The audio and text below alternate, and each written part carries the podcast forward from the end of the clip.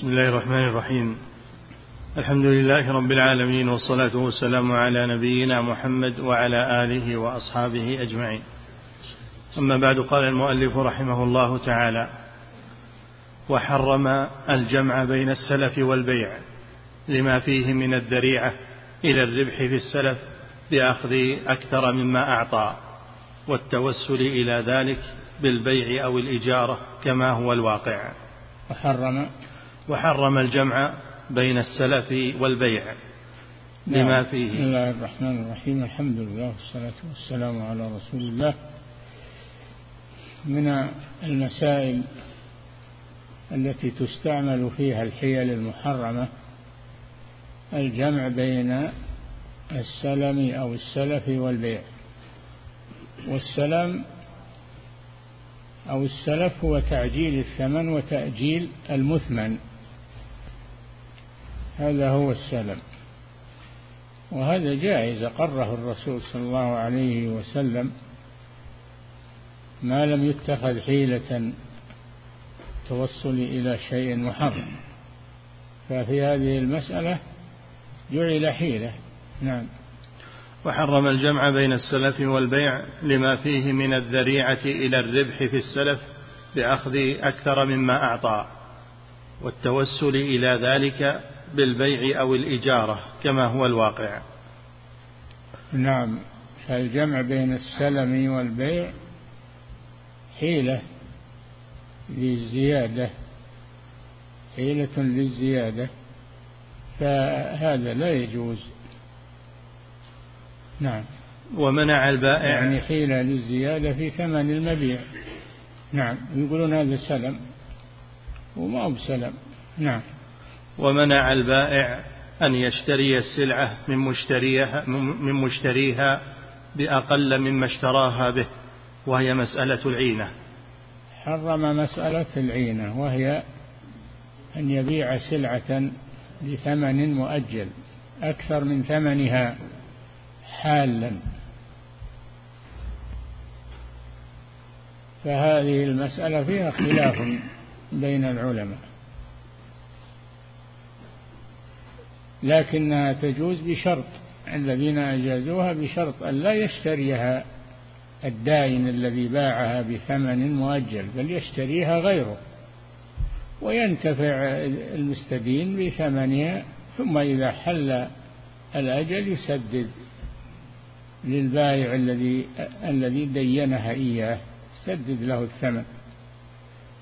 فإذا اتخذ هذا حيلة فهو لا يجوز. نعم. ومنع البائع أن يشتري السلعة من مشتريها بأقل مما اشتراها به وهي مسألة العينة وإن لم يقصد الربا لكونه وسيلة ظاهرة واقعة إلى بيع خمسة عشر نسيئة بعشرة نقدا. أي نعم.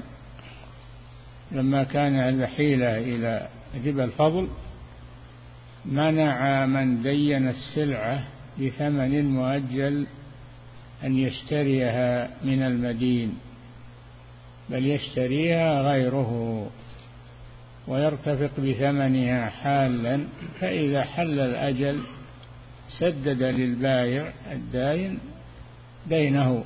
نعم.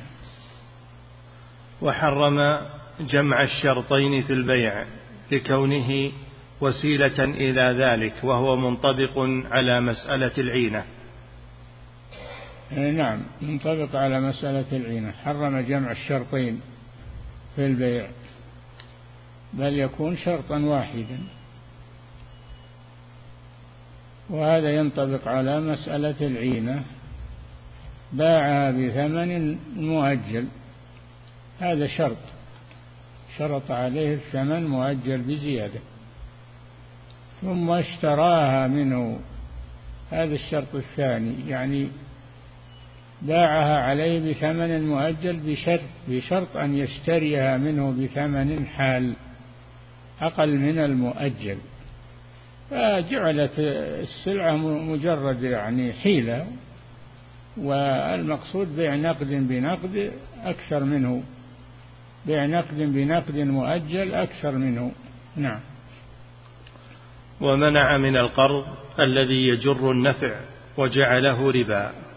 قال صلى الله عليه وسلم كل قرض جر نفعا فهو ربا. فالقرض قرض إرفاق وإحسان وهو أن أن يدفع للمحتاج مبلغا من النقود يقضي بها حاجته ثم يسدد له بدون زيادة بدون زيادة. أو بدون نفع عام دون نفع عام كأن يقرضه مبلغا ثم يعطيه دابته يركبها ويحمل عليها لينتفع من القرض أو يسكن داره مدة لأجل أن ينتفع بذلك من القرض. هذه حيلة لا تجوز. نعم. فلا لا يستفيد. المقرض لا يستفيد شيئا غير الأجر الذي في القرض. لا يستفيد نفعا دنيويا لا نقودا ولا منفعة.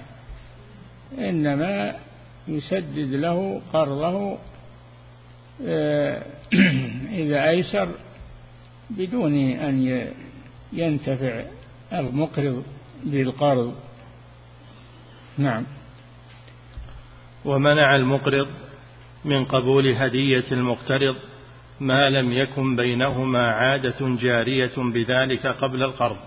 من النفع في القرض أنه إذا اقترض منه مبلغا أهدى له هدية. أهدى له هدية. يقول هذه هدية مني. يقول المقترض هذه هدية مني. نقول له هذا حرام. ما ينتفع المقرض من القرض لا هدية ولا غيرها إلا إن كان من عادته قبل القرض أنه يهدي إليه فلا بأس. يكون ما هو بالدافع للهدية القرض الدافع العادة الجارية بينهما. نعم. ومنع المقرض من قبول هدية المقترض ما لم يكن بينهما عادية جار ما لم يكن بينهما عادة جارية بذلك قبل القرض. ففي سنن ابن ماجه عن يحيى ابن إسحاق الهنائي قال سألت أنس بن مالك الرجل منا يقرض أخاه المال فيهدي إليه. فقال قال رسول الله صلى الله عليه وسلم إذا أقرض أحدكم قرضا فأهدي إليه أو حمله على الدابة فلا يركبها. إذا إذا أقرض أحدكم قرضا فأهدي إليه. أهدى أهدى إليه. إذا أقرض أحدكم قرضا فأهدى إليه. يعني المقترض أهدى للمقرض هدية. نعم. فأهدى إليه أو حمله على الدابة فلا يركبها ولا يقبله إلا أن يكون جرى بينه وبينه قبل ذلك. جرى بينه وبين المقرض عادة أنهم يتهادون الهدايا أما إن كانت هذه الهدية سببها القرض فهذا لا يجوز لأنه قرض جر نفعا فهو ربا نعم. وروى البخاري في تاريخه عن يزيد بن أبي يحيى الهنائي عن أنس بن مالك رضي الله عنه قال قال رسول الله صلى الله عليه وسلم إذا أقرض أحدكم فلا يأخذ هدية. إذا أقرض أحدكم فلا يأخذ هدية من المقترض لأن هذا ربا. كل قرض جر نفعا فهو ربا فلا يجوز. نعم. وفي صحيح البخاري عن أبي بردة عن أبي موسى رضي الله عنه قال قدمت المدينة فلقيت عبد الله ابن سلام فقال لي إنك عبد الله بن سلام رضي الله عنه هذا من أحبار اليهود في المدينة. إن المدينة كان فيها يهود يستوطنون فهو من أحبارهم وكان رجلا صالحا. فلما هاجر النبي صلى الله عليه وسلم اجتمع الناس على الرسول صلى الله عليه وسلم ينظرون إليه جاء عبد الله بن سلام فنظر في وجه الرسول صلى الله عليه وسلم. قال فلما نظرت في وجهه عرفت أن وجهه ليس وجه كذاب. فآمن به وأسلم رضي الله عنه وحسن إسلامه. هذا هو عبد الله بن سلام. نعم. عن أبي موسى قال قدمت المدينة فلقيت عبد الله بن سلام فقال لي إنك بأرض الربا فيها فاش فإذا كان لك على رجل حق وأهدى إليك حمل تبن أو حمل شعير أو حمل قت فلا تأخذه فإنه ربا. أي نعم إذا رضك أحد مبلغا ثم أهدى إليك هدية أيا كانت فلا تقبلها لأنها بسبب القرض وكل قرض جر نفعا فهو ربا. وإنما هذا قرض حسن القرض الحسن هو الذي لا يؤخذ عليه منفعة. نعم. وروى سعيد في سننه هذا المعنى عن أبي بن كعب وجاء عن ابن مسعود وعبد الله بن عباس وعبد الله بن عمر نحوه. نعم نحو ما جاء عن عبد الله بن سلام أن المقرض لا يأخذ هدية من المقترض أيا كانت هذه الهدية لأنها نفع وكل قرض جر نفعا فهو ربا. نعم. وكل ذلك سدا لذريعة أخذ الزيادة في القرض الذي موجبه الذي موجبه رد القرض. نعم. ونهى عن بيع الكالئ بالكالئ. نهى عن بيع الكالي بالكالي يعني بيع الدين بالدين كأن تقول بيع عليك عشرة آصع من البر مؤجلة بمئة ريال مؤجلة. كل من الثمن والمثمن مؤجل. فهذا بيع الكالي بالكالي وهو بيع الدين بالدين. فلا بد أن يكون أحد العوضين حاضرا. يكون أحد العوضين حاضرا. إما المبيع وإما الثمن. نعم. ونهى عن بيع الكالئ بالكالئ وهو الدين المؤخر بالدين المؤخر. نعم. لأنه ذريعة إلى ربا النسيئة نعم. فلو كان الدينان حالين لم يمتنع لأنهما يسقطان جميعا من ذمتهما. نعم إذا كان كل واحد له عليه دين كل واحد عليه دين للآخر. كل واحد عليه دين للآخر. ثم اجتمعا وتساقطا. الديون التي عليهما. فلا بأس به هذا ما هو بيع الكالي بالكالي هذا تسديد. هذا تسديد. نعم. وفي الصورة المنهي عنها ذريعة إلى تضاعف الدين في ذمة كل منهما في مقابلة تأجيله وهذه مفسدة ربا النساء بعينها. أي نعم. ونهى الله سبحانه وتعالى النساء أن أن ونهى الله سبحانه وتعالى النساء أن يضربن بأرجلهن ليعلم ما يخفين من زينتهن. أن يكون عليها خلخال في ساقيها خلاقيل تسترها بثوبها لكن إذا صارت تمشي تضرب برجليها من أجل أن يسمع صوت الخلخال الذي في رجلها قال الله جل وعلا ولا يضربن بأرجلهن ليعلم ما يخفين من زينتهن. فلا يجوز هذا. نعم. ونهى الله سبحانه وتعالى النساء أن يضربن بأرجلهن ليعلم ما يخفين من زينتهن فلما كان الضرب بالرجل ذريعة إلى ظهور صوت الخلخال الذي هو ذريعة إلى ميل الرجال إليهن. نهاهن عنه. نعم هي لو كشفت ساقها وظهر الخلخال هذا محرم صريح لكن ما تكشفه ولكن تضرب برجلها من أجل أن يسمع صوت الخلخال فيعلم أن عليها خلاخيل فتتبعها أنفس الأشرار. نعم. وأمر الله سبحانه وتعالى الرجال والنساء بغض أبصارهم لما كان النظر ذريعة إلى الميل والمحبة التي هي ذريعة إلى مواقعة المحظور. قال الله تعالى قل للمؤمنين يغضوا من أبصارهم ويحفظوا فروجهم ذلك أزكى لهم. إن الله خبير بما يصنعون. وقل للمؤمنات يغضضن من أبصارهن ويحفظن فروجهن ولا يبدين زينتهن إلا لبعولتهن. إلى آخر الآية. فالله جل وعلا في هذه الآية الكريمة أمر بغض البصر. ما قال غمض عيونك؟ قال غض غض البصر. المطلوب غض البصر. ما هو المطلوب تغميض العينين. يغضضن من أبصارهن. يغضوا من أبصارهم. فلا يرسل بصره إلى النساء. ولا ترسل المرأة بصرها إلى الرجال. أما مجرد النظر للحاجة ينظر الرجل إلى المرأة للحاجة أو تنظر هي للرجل للحاجة هذا لا بأس به. ما في ريبة هذا. نعم.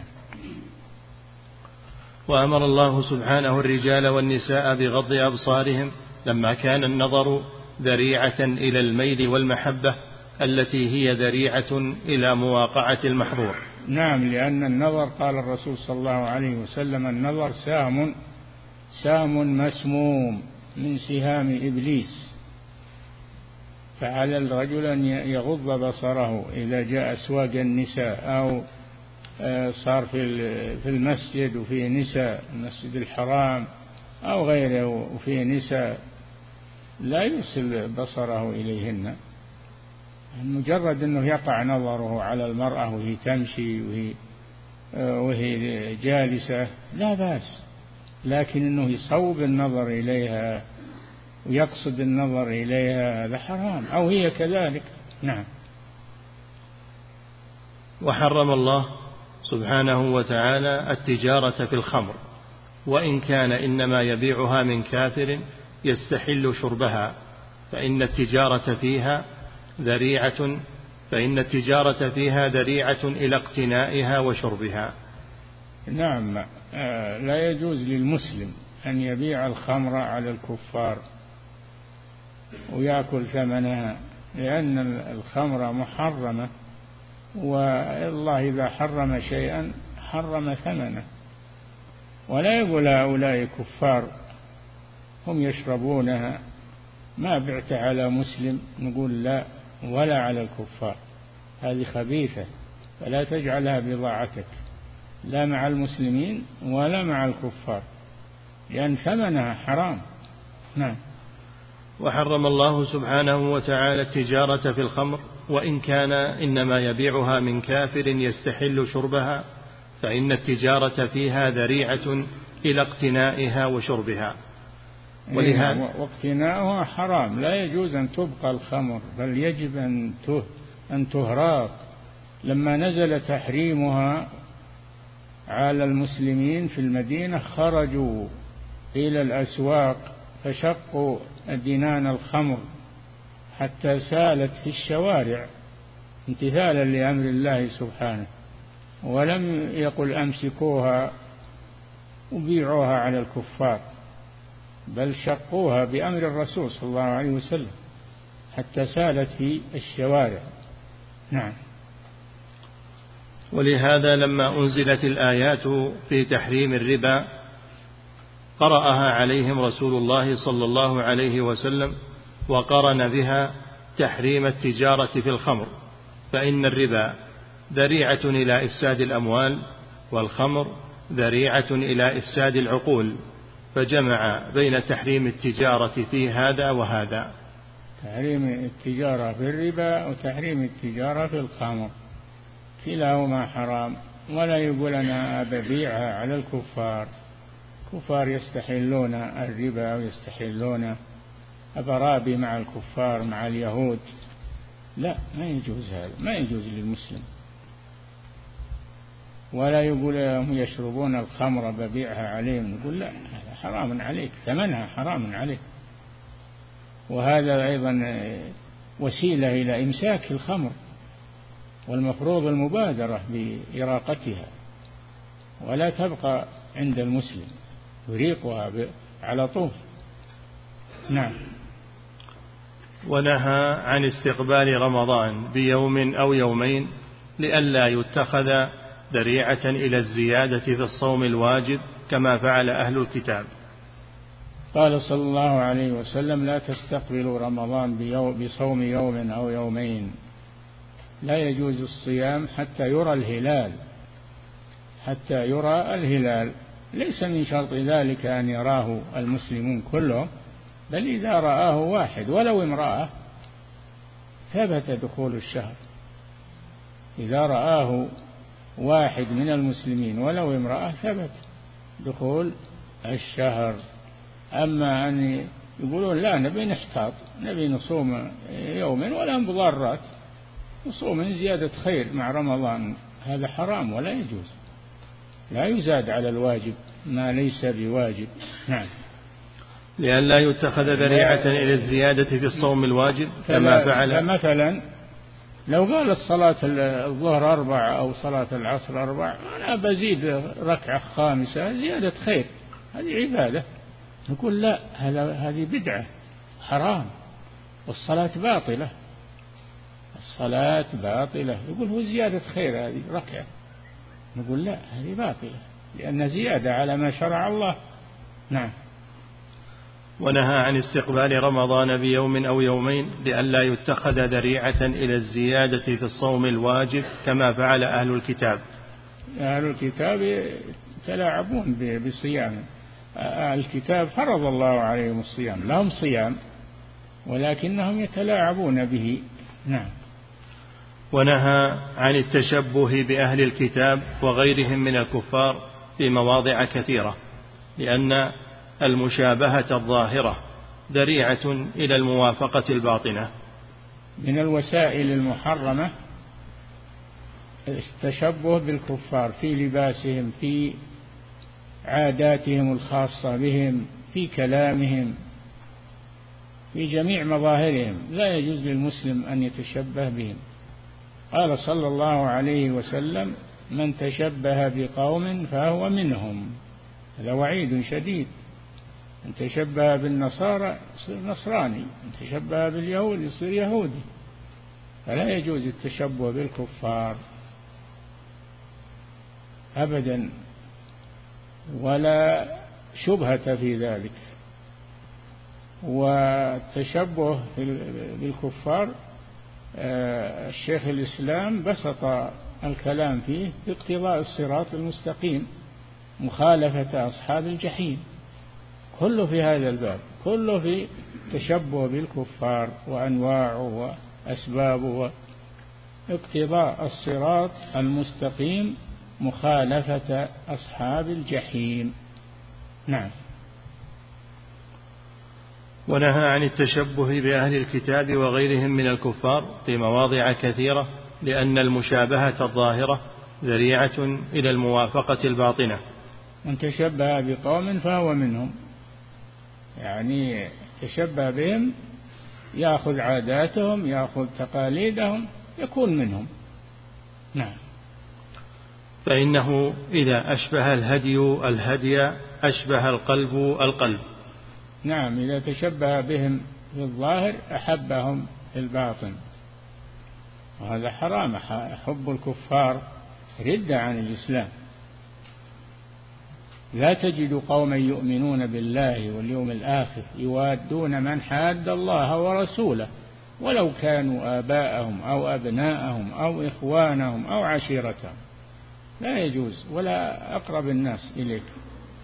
إذا كان كافرا فلا تتشبه به. نعم. فإنه إذا أشبه الهدي الهدي أشبه القلب القلب وقد قال رسول الله صلى الله عليه وسلم خالف هدينا هدي الكفار. إي نعم خالف هدينا ما نحن عليه من الدين والأخلاق. هدي الكفار وما هم عليه. الواجب المقاطعة معهم في أخلاقهم في عاداتهم في تقاليدهم. الله أغنى المسلمين. الله أغنى المسلمين. ما أحسن مظاهر المسلمين وما أقبح مظاهر الكفار. فلماذا نتشبه بهم؟ نعم.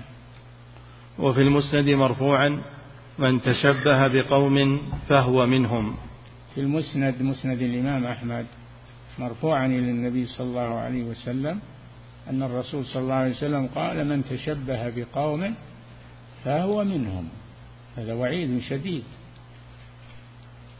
لأنه إذا تشبه بهم في الظاهر أحبهم في الباطن.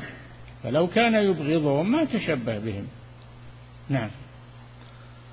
وحرم الجمع بين المرأة وعمتها وبين المرأة وخالتها لكونه ذريعة إلى قطيعة الرحم. نعم حرم حرم الله جل وعلا الجمع بين الأختين وأن تجمعوا بين الأختين. وجاء في السنة زيادة تحريم الجمع بين المرأة وعمتها وبين المرأة وخالتها والعلة في ذلك والسبب لأن هذا يوجب الغيرة بينهن والقطيعة بينهن فهو سبب لقطيعة الأرحام.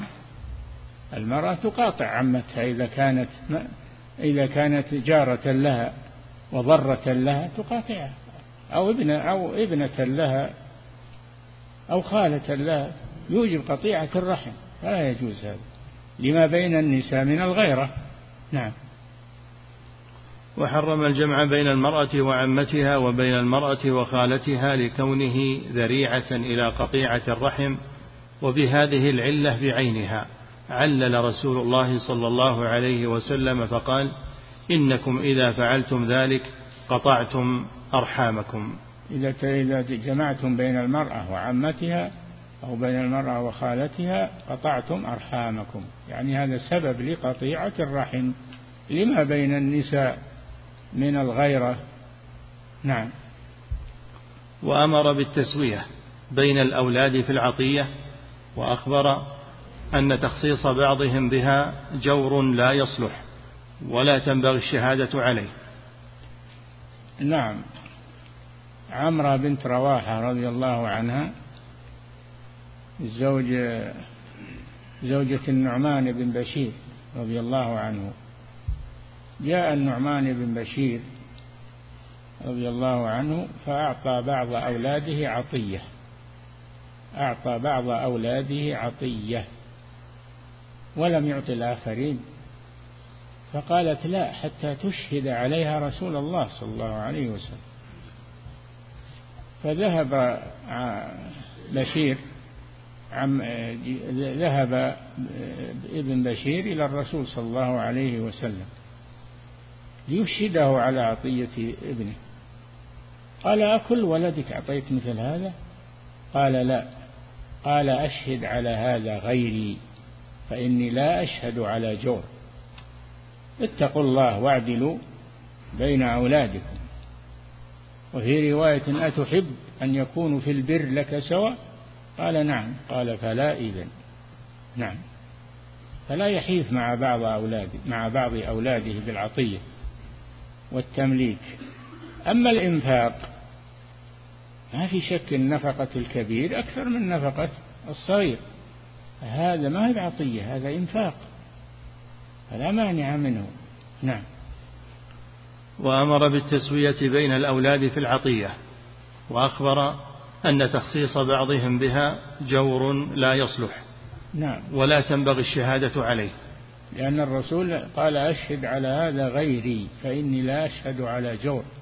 اتقوا الله واعدلوا بين أولادكم. نعم. ولا تنبغي الشهادة عليه وأمر فاعله برده ووعظه.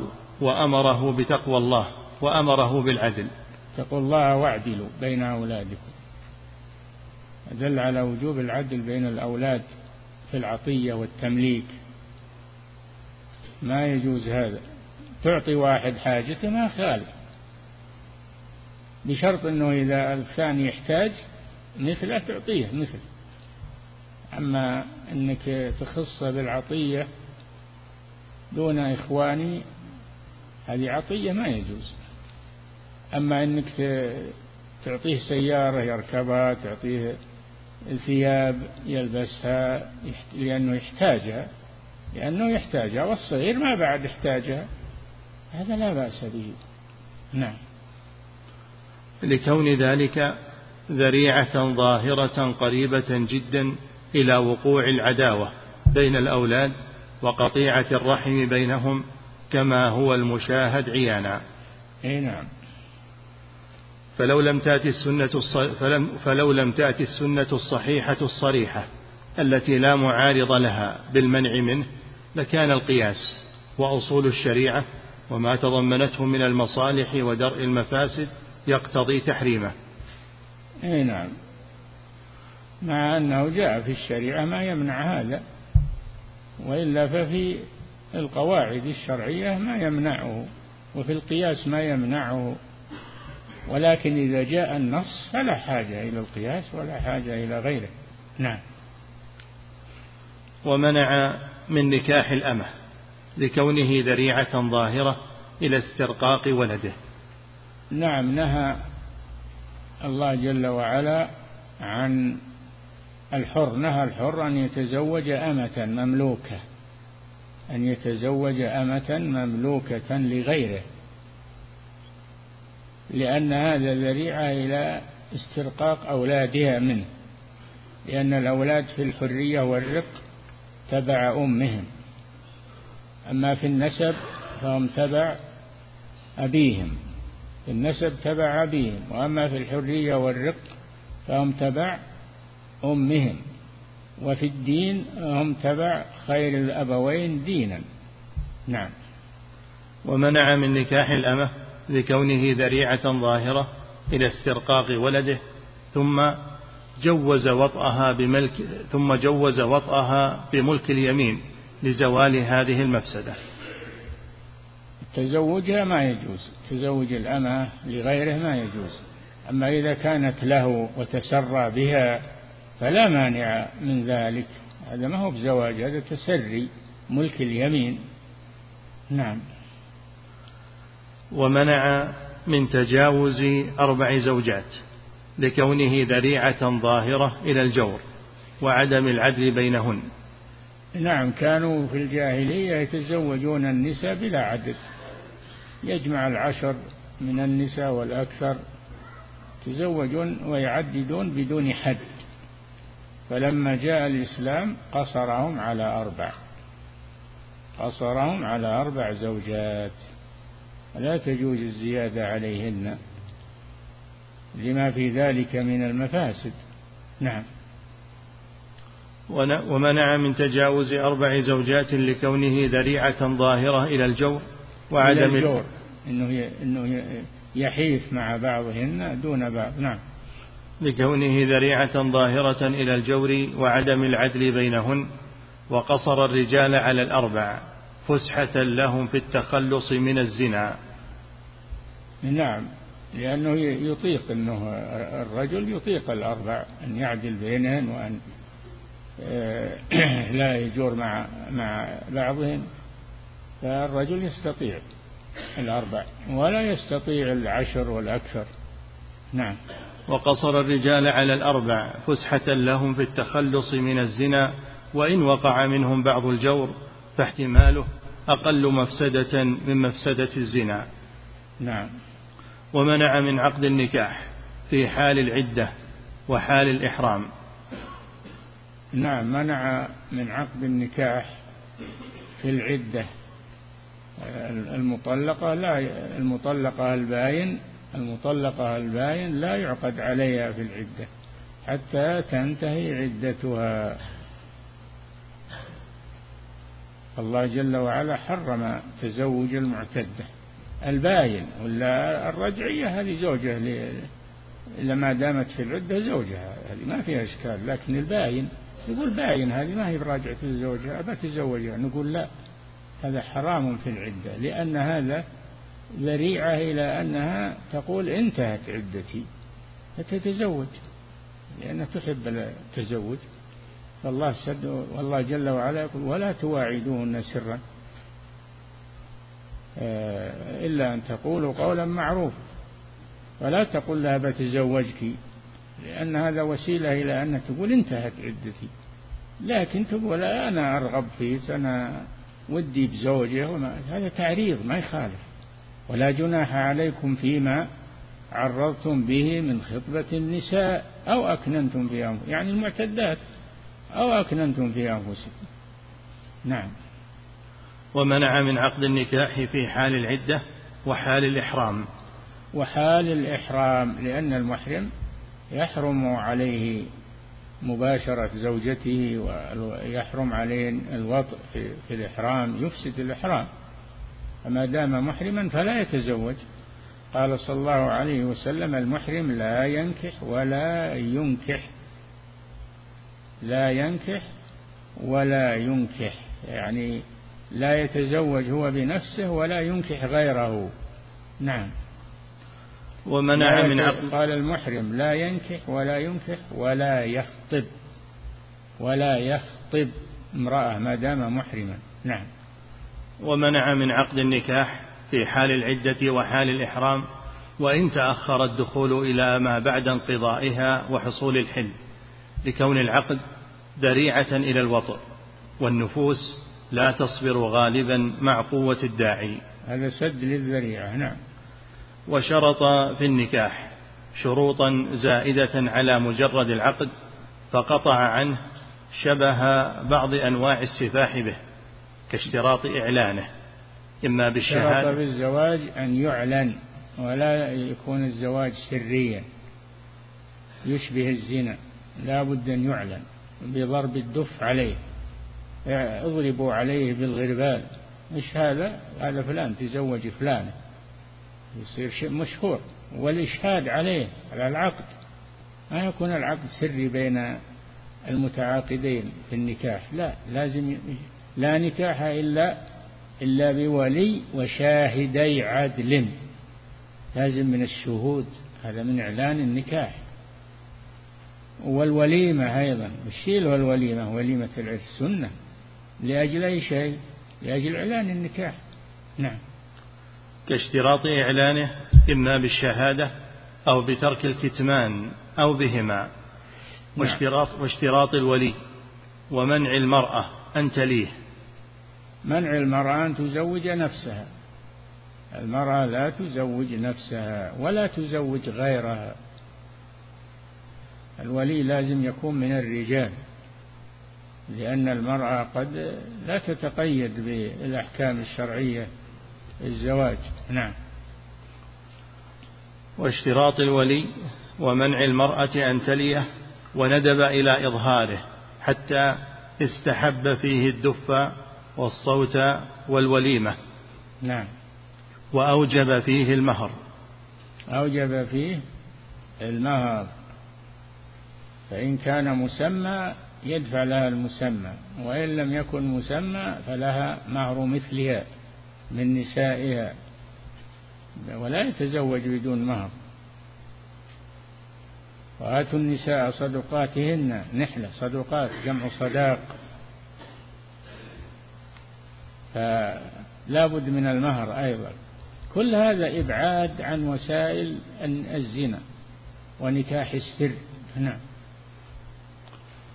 ومنع هبة المرأة نفسها لغير النبي صلى الله عليه وسلم وسر ذلك أن في ضد ذلك والإخلال به ذريعة إلى وقوع السفاح بصورة النكاح. نعم منع, منع المرأة أن تهب نفسها أن تهب نفسها لرجل تزوج نفسها من رجل لا بد من ولي وشاهدين إبعادا عن عن الزنا وعن الأمور المحرمة. لا بد يكون هذا مضبوطا بضوابط الشرع. نعم. ومنع هبة المرأة نفسها لغير النبي صلى الله عليه وسلم النبي يجوز للمرأة أن تهب نفسها له وإن امرأة وهبت نفسها للنبي. فالرسول يجوز للمرأة أن تهب نفسها له أما غيره فلا. لا بد أن يخطبها الرجل ولا بد أن وليها هو الذي يتولى العقد ولا بد من الوليمة. كل هذه أمور إجراءات لأجل إعلان النكاح وإبعاده عن مشابهة الزنا. نعم. ومنع هبة المرأة نفسها لغير النبي صلى الله عليه وسلم. خالصة لك من دون المؤمنين. نعم. وسر ذلك أن في ضد ذلك والإخلال به ذريعة إلى وقوع السفاح بصورة النكاح. نعم. كما في الأثر. إن الزانية هي التي تزوج نفسها. نعم تزوج نفسها تعقد لنفسها. لا يجوز هذا لا بد من ولي يعقد لها. نعم. كما في الأثر إن الزانية هي التي تزوج نفسها فإنه لا تشاء زانية تقول زوجتك نفسي بكذا. نعم. فإنه لا تشاء زانية تقول زوجتك نفسي بكذا سرا من وليها بغير شهود ولا إعلان ولا وليمة ولا دف ولا صوت إلا فعلت. إلا فعلت. إلا فعلت. لو يطلق العنان للنساء صار يزنين باسم الزواج وهذا زوج أنت زوجته لا يقبض عليهما قالت أنا متزوجته أنا مزوجته نفسي. يقول لا ما تزوجين نفسك. لازم من ولي وشهود. نعم. ومعلوم قطعا أن مفسدة الزنا لا تنتفي بقولها أنكحتك نفسي أو زوجتك نفسي نعم. أو أبحتك مني كذا وكذا. اللي يزوج نفسها زانية. إذا وطئها فهي زانية. من غير ولي تكون زانية. نعم لأن هذا ليس زواجا شرعيا. نعم. ومعلوم قطعا أن مفسدة الزنا لا تنتفي بقولها أنكحتك نفسي أو زوجتك نفسي أو أبحتك مني كذا وكذا فلو انتفت مفسدة الزنا بذلك لكان هذا من أيسر الأمور عليها وعلى الرجال. اي نعم كل يقول هذه زوجتي وتقول أنا مزوجته نفسي وينتشر الزنا بهالحيله الشارع سد هذا الطريق. لا نكاح إلا بولي. وشاهدي عدل. نعم. فعظم الشارع أمر هذا العقد وسد الذريعة إلى مشابهته للزنا بكل طريق. نعم. ثم أكد ذلك بأن جعل له حريما من العدة يزيد على مقدار الاستبراء وأثبت له أحكاما من نعم من من حماية حماية النكاح أن أن الله جعل عدة للمطلقة حريما للزوج الأول. لئلا ينزل عنها زوج ينزو عليها زوج آخر. فجعل بينهما فاصل العدة. نعم. بأن جعل له حريما من العدة يزيد على مقدار الاستبراء. الاستبراء حيضة واحدة للأمة. حيضة واحدة للأمة المملوكة. إذا ملك أمة فلا يطأها يتسرى بها إلا بعد استبرائها بحيضة. أما الحرة فلا بد من العدة. نعم. وأثبت له أحكاما من المصاهرة وحرمتها ومن التوارث. نعم أثبت للنكاح في الشرع أحكاما تترتب عليه من التوارث بين الزوجين ومن المصاهرة ومن نعم. وأثبت له أحكاما من المصاهرة وحرمتها ومن التوارث ولهذا كان الراجح في الدليل أن الزنا لا يثبت حرمة المصاهرة كما لا يثبت التوارث والنفقة وحقوق الزوجية. الزنا لا تترتب عليه أحكام النكاح. إنما الأحكام مترتبة على النكاح الشرعي على الوطء الشرعي الذي يكون بعقد من ولي وبحضور شاهدين وبخلوها من العدة من الزوج الأول. احتياطات. نعم. ولهذا كان الراجح في الدليل أن الزنا لا يثبت حرمة المصاهرة كما لا يثبت التوارث والنفقة وحقوق الزوجية ولا يثبت به النسب ولا العدة على الصحيح. نعم الزنا ما يثبت به النسب للزاني إنما يثبت نسبه للأم التي ولدته يكون ابنا لها ابنا لها من الزنا. وأما الزاني فلا ما ينسب إليه الولد ما ينسب إلا بنكاح شرعي. نعم. ولا العدة على الصحيح وإنما تستبرأ بحيضة. الزانية إذا أرادت تابت إذا تابت من الزنا وأرادت أن تتزوج فلا بد أن تستبرأ بحيضة تعتد بحيضة لأجل معرفة براءة رحمها. نعم. وإنما تستبرأ بحيضة ليعلم براءة رحمها ولا يقع فيه طلاق. ولا ظهار ولا إيلاء الزنا لا يقع فيه طلاق ولا يلحقه الظهار يمين الظهار لأنها ليست زوجة. نعم. ولا يقع فيه طلاق ولا ظهار ولا إيلاء. ولا إيلاء وهو أن يحلف أن لا يطأ زوجته مدة ثلاثة أشهر. نعم. ولا يثبت المحرمية بينه وبين أمها وابنتها. أربعة أشهر. الإيلاء أربعة أشهر نعم. ولا ولا يثبت المحرمية بينه وبين يثبت, يثبت. ولا يثبت المحرمية بينه وبين أمها وابنتها. نعم الزاني بالمرأة لا تحرم عليها عليه أمها ولا ابنتها لأنه ليس نكاحا شرعيا. ليست البنت ربيبة له وليست الأم أما لمن زنى يعني الأم ليست أم أما لزوجته إنما هي أم لمزني بها والزنا لا يترتب عليه أحكام شرعية. نعم. فلا يثبت حرمة المصاهرة ولا تحريمها فإن الشارع جعل وصلة الصهر فيه مع وصلة النسب وجمع بينهما في قوله فجعله نسبا وصهرا. وهو الذي خلق من الماء بشرا فجعله نسبا هذا إلى أبيه. وصهرا هذا من جهة المرأة. نعم. فإذا انتفت وصلة النسب فيه انتفت وصلة الصهر. نعم. وكنا ننصر القول بالتحريم ثم رأينا الرجوع إلى عدم التحريم أولى لاقتضاء الدليل له. نعم. وكنا ننصر القول بالتحريم. يقول ابن القيم رحمه نعم. الله كنا. وكنا ننصر القول بالتحريم. ثم رأينا الرجوع إلى عدم التحريم أولى لاقتضاء الدليل له. إي نعم لأنه ليس الزنا مثل النكاح الشرعي. نعم.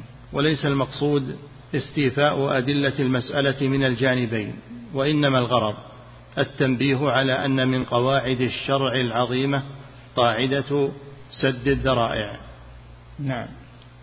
وإنما الغرض التنبيه على أن من قواعد الشرع العظيمة قاعدة سد الذرائع ومن ذلك نهي النبي صلى الله عليه وسلم أن تقام الحدود في دار الحرب وأن تقطع الأيدي في الغزو لئلا يكون ذلك ذريعة إلى لحاق المحدود بالكفار. إيه نعم ما يقام عليه الحد في بلاد الكفر لئلا يهرب المسلم لو أقيم عليه الحد يهرب إلى الكفار إنما تقام الحدود في بلاد المسلمين. هذه واحدة والثانية؟ وأن تقطع الأيدي في الغزو وكذلك لا تقطع الأيدي في الغزو. لو أن واحد من الجنود في الغزو سرق لا تقطع يده لئلا يهرب إلى العدو. نعم.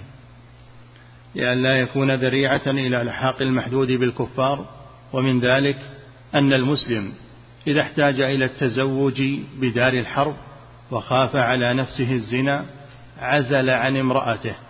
نص عليه أحمد لئلا يكون ذلك ذريعة إلى أن ينشأ ولده كافرا.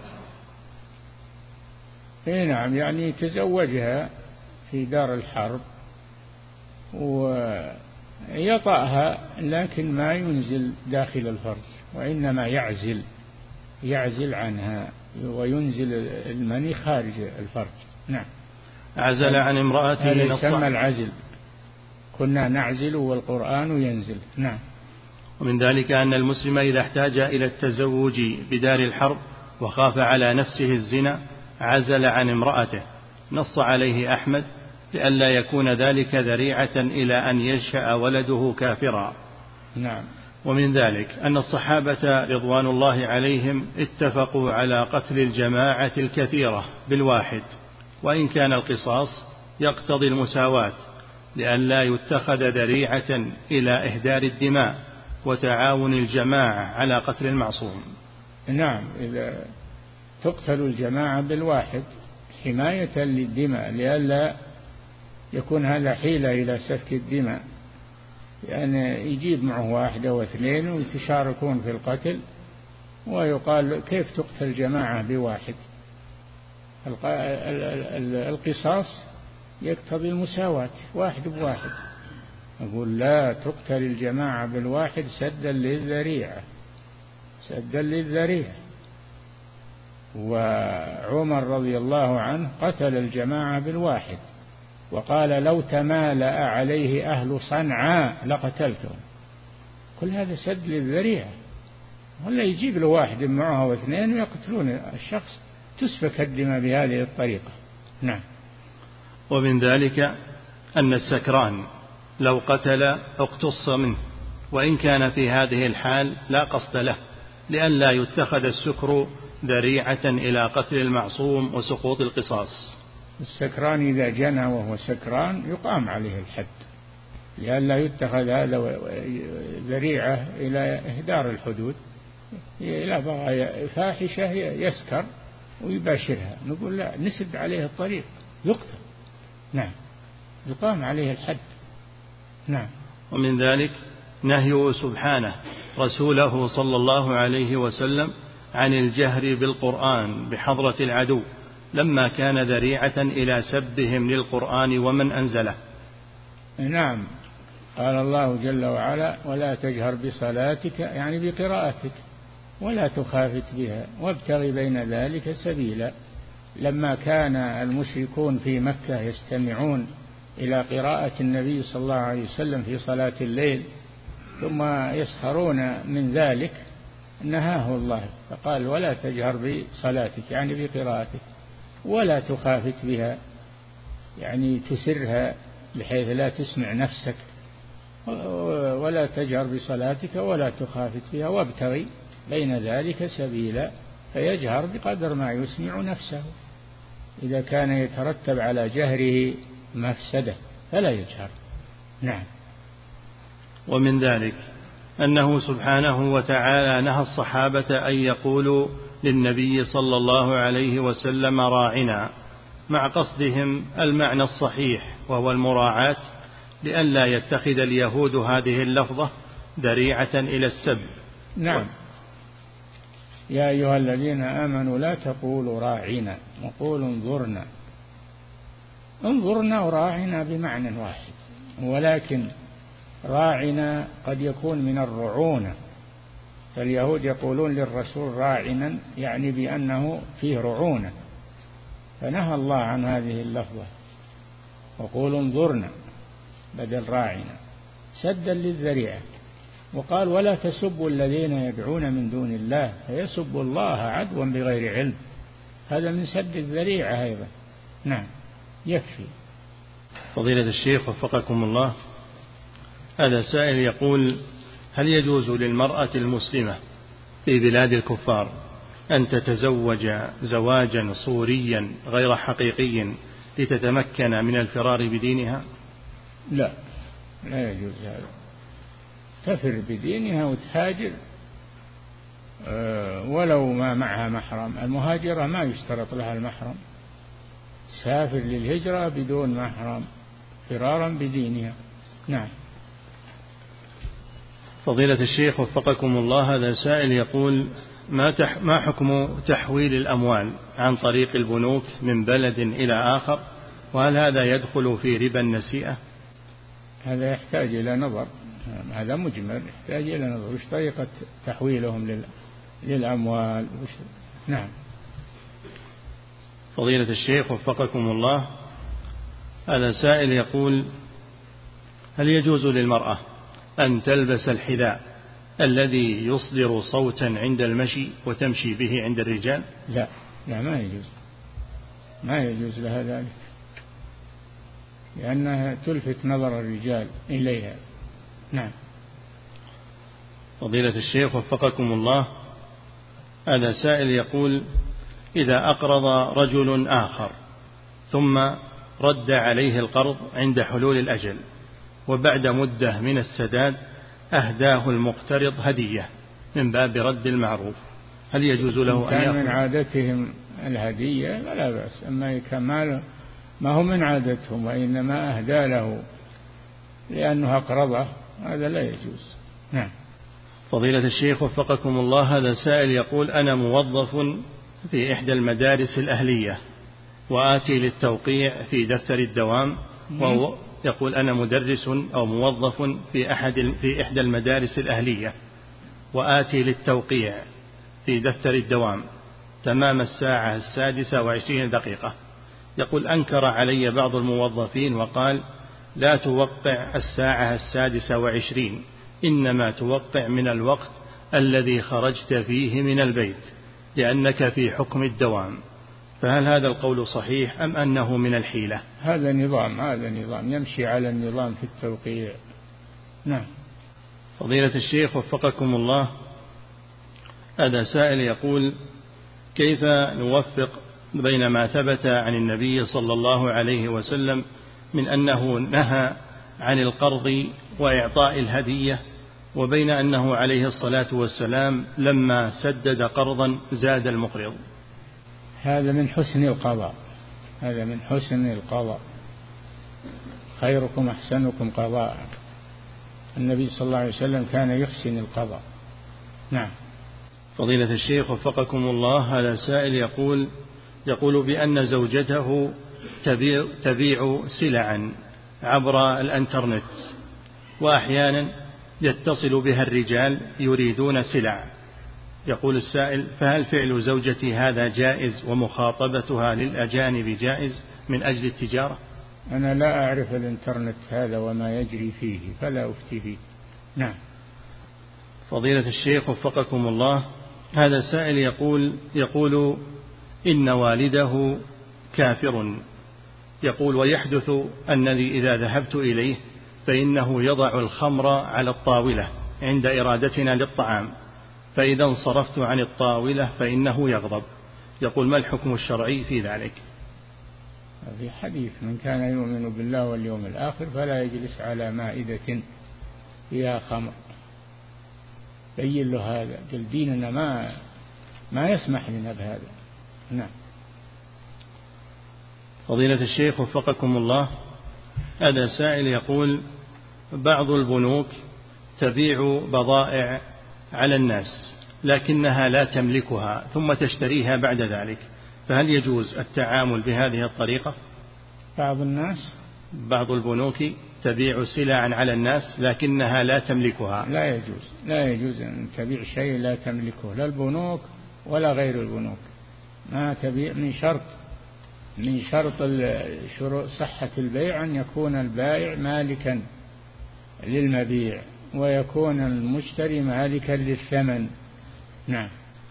فضيلة الشيخ وفقكم الله هذا سائل يقول في بعض الأحيان أقرض شخصا وعندما, وعندما أعطيه المال هذا القرض فإني أقول له لا تنسني من صالح دعائك.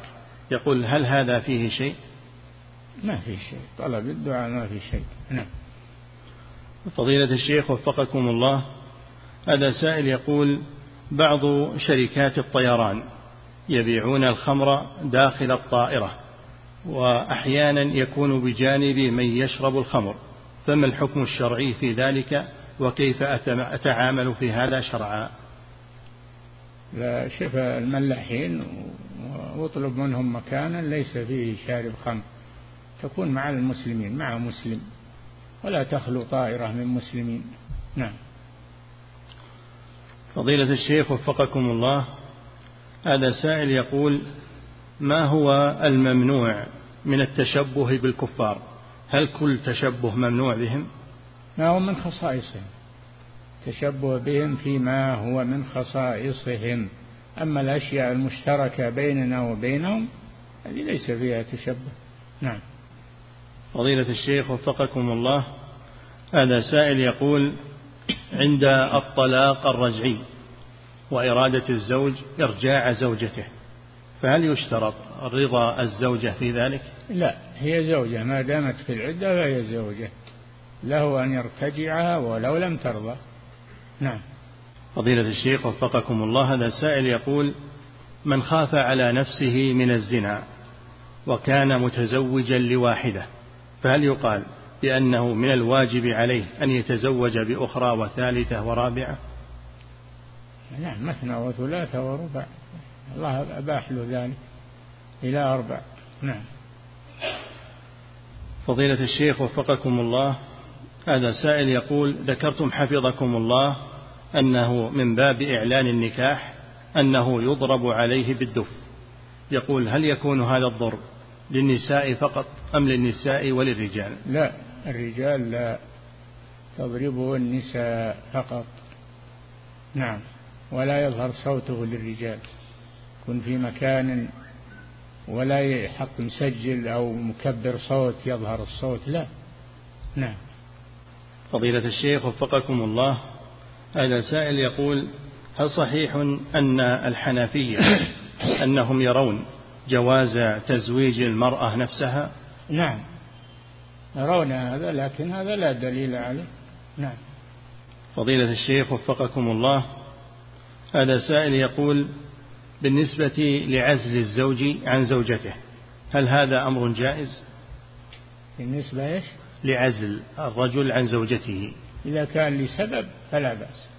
إذا كان هذا لسبب فلا بأس. أما إذا كان دون سبب فلا يجوز. نعم. فضيلة الشيخ وفقكم الله هذا سائل يقول هل يكون أو هل يجوز بيع الكالئ بالكالئ في الشيء اليسير؟ لا لا يجوز في الشيء الكثير ولا في القليل. ما يجوز هذا. نهى عنه الرسول صلى الله عليه وسلم. نعم. فضيلة الشيخ وفقكم الله هذا سائل يقول رجل له خمسة من الذكور وبنت واحدة وليس له بيت خاص بل يسكن عند أحد أبنائه الذكور. يقول توفي هذا الرجل في بيت أحد أبنائه فقالت ابنته أريد أن تعتد والدتي في بيتي حتى أقوم برعايتها أنا مع العلم بأن الأم تسكن الآن في بيت ولدها وستضطر للسفر إلى بيت ابنتها. هل يجوز هذا في العدة؟ تأتي ابنتها وتجلس عندها. تأتي ابنتها ما هي المعتدة هي اللي تذهب؟ لا بنتها تجي وتصير عندها. نعم. فضيلة الشيخ وفقكم الله هذا سائل يقول بالنسبة للطواف إذا طاف المسلم شوطين ثم لم يكمل ثم ثم لم يكمل وبعد حين أكمل هذه الأشواط فهل يجوز فعله هذا؟ إذا كان باقي على طهارته فلا بأس. أما إذا كان انتقض وضوءه بطل بطلت أشواطه الأولى. نعم. فضيلة الشيخ وفقكم الله هذا سائل يقول ما حكم ذهاب المرأة إلى سرادق العزاء لتعزية أهل الميت؟ سرادق؟ نعم. يكون سرادق للعزاء. يجتمعون هذا لا يجوز. لا يجوز للرجل ولا للمرأة أن تذهب إلى هذا السرادق وهذا الاجتماع. نعم. فضيلة الشيخ وفقكم الله هذا السائل يقول اشتريت أحد الصحابة كنا نعد الاجتماع إلى أهل الميت وصنعة الطعام من النياحة. لا يجوز أن تذهب لسرادق يجتمعون فيه للعزاء. نعم. فضيلة الشيخ وفقكم الله هذا سائل يقول اشتريت سيارة عن طريق التأجير المنتهي بالتمليك وأريد الآن فسخ العقد لعلمي بحرمته لكن إذا فسخته فسيقع علي ضرر كبير لا أستطيع تحمله فما الواجب علي شرعا؟ ما يجوز لك هذا عقد لا يجوز أنت ما هذا ما عقد باطل فلا يجوز لك هذا. فلا بد أن تخرج منه بأي طريقة. نعم. فضيلة الشيخ وفقكم الله هذا سائل يقول هل يجوز للمسلم أن يصلي صلاة الفريضة في السيارة بسبب خوفه من شيء لأنه في بلاد الكفر؟ هل يجوز؟ هل يجوز للمسلم أن يصلي صلاة الفريضة في السيارة بسبب خوفه من شيء؟ ما له مسكن. ما له مسكن يسكن فيه. يصبر لما يصل إلى مسكن ويصلي. نعم. فضيلة الشيخ وفقكم الله هذا سائل يقول صليت الاستخارة لأستخير في أمر لكن لم يطمئن قلبي بعد. فهل يشرع لي أن أعيدها مرة أول ثانية نعم نعم أعدها إلى أن يطمئن يترجح عندك أحد الأمرين. أعدها إلى أن يترجح عندك أحد الأمرين. نعم. فضيلة الشيخ وفقكم الله هذا سائل يقول هل يجوز للمرأة أن تسافر عن طريق الطيران رحلة لا تتجاوز الثلاث ساعات بدون محرم؟ لا. ولا ساعة واحدة ما يجوز لها إلا بمحرم. لا يحل لامرأة تؤمن بالله واليوم الآخر أن تسافر ثلاثة أيام وفي رواية يومين وفي رواية أن تسافر مطلقا. إلا ومعها ذو محرم. نعم. لا لو أصابها مرض أصابها الطيارة راحت إلى جهة غير الجهة اللي تغير اتجاهها من اللي يستقبلها ومن اللي تولاها ما يصلح هذا. نعم. فضيلة الشيخ وفقكم الله هذا سائل يقول هل يجوز لنا أن نصلي خلف رجل يلبس التميمة في يده؟ لا. لا يجوز هذا. هذا حرام. وهذا آه، يظهر المعصية يظهرها. فلا يجوز أن يصلى خلفه. نعم. فضيلة الشيخ وفقكم الله. هذا سائل يقول سائل من خارج هذه البلاد يقول في قريتنا يذهب الناس إلى جبل ويأخذون معهم ذبيحة فيذبحونها عند الجبل من أجل الله عز وجل. فهل يجوز هذا الأمر؟ لا لا ما يجوز هذا الأمر. يذبحون الذبيحة ليش؟ يذبحونها لأجل ينزل المطر. يقولون أنهم يذبحونها بالجبل علشان ينزل المطر. هذا من أمور الجاهلية. ولا يجوز هذا. نعم. فضيلة الشيخ وفقكم الله هذا السائل يقول متى يشرع للمأموم أن يقول آمين. هل هو بعد بعد انتهاء الإمام منها أو متى؟ أي نعم.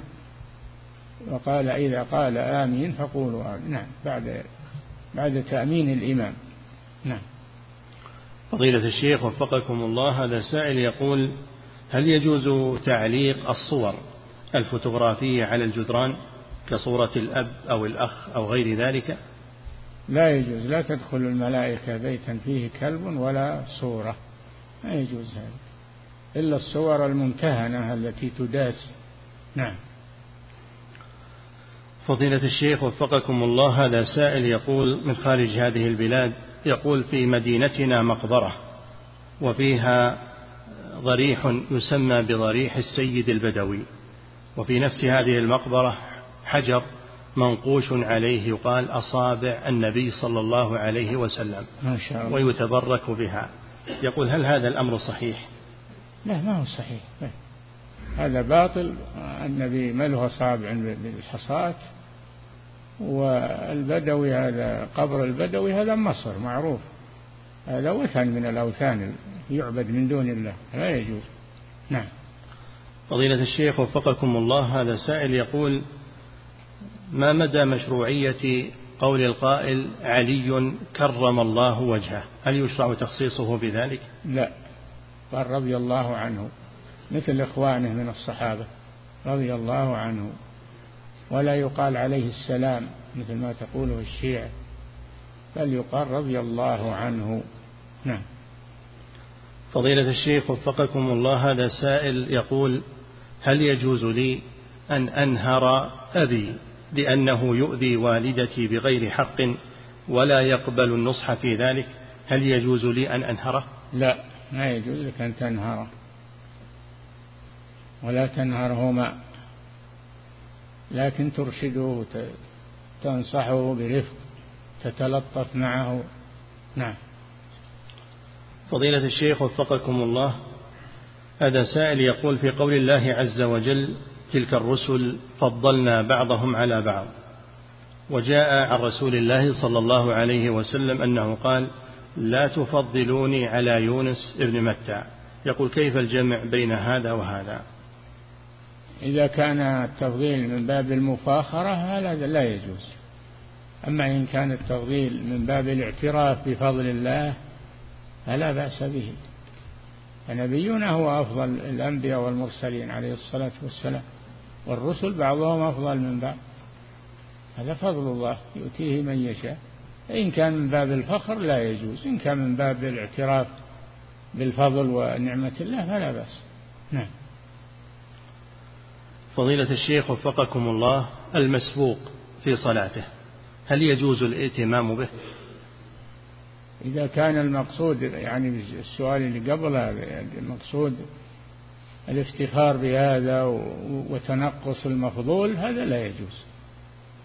إذا كان المقصود تنفض تنقص المفضول فلا يجوز. نعم. فضيلة الشيخ وفقكم الله المسبوق في صلاته هل يجوز الائتمام به؟ لا لأنه لأنه مأموم. والمأموم لا يتحول إمام إلا إلا باستخلاف الإمام له. نعم. فضيلة الشيخ وفقكم الله. هذا سائل يقول ورد عن رسول الله صلى الله عليه وسلم أنه قال من أتى عرافا فسأله عن شيء لم تقبل له صلاة أربعين يوما. وجاء عنه أيضا عليه الصلاة والسلام من أتى عرافا أو كاهنا أو كاهنا فصدقه بما يقول فقد كفر بما أنزل على محمد صلى الله عليه وسلم. هل بين الحديثين فرق؟ نعم. إذا جاءه مجرد المجيء والذهاب إليه لا تقبل صلاته أربعين يوما. وأما إذا صدقه فإنه يكون أشد. قد كفر بما أنزل على محمد صلى الله عليه وسلم. نعم. فضيلة الشيخ وفقكم الله هذه امرأة تسأل فتقول هل يجوز للمرأة أن تؤخر صلاة العشاء إلى منتصف الليل بدون عذر؟ إذا كانت تثق من نفسها أن تصليها قبل خروج وقتها فلا بأس بذلك. نعم. فضيلة الشيخ وفقكم الله هذا سائل يقول هل يجوز تكرار الفاتحة في الصلاة الجهرية والصلاة السرية؟ كأن يقول مثلا الحمد لله رب العالمين ويكرر هذه الآية مرارا. لا قراءة الفاتحة ركن في الصلاة والركن لا يكرر. نعم.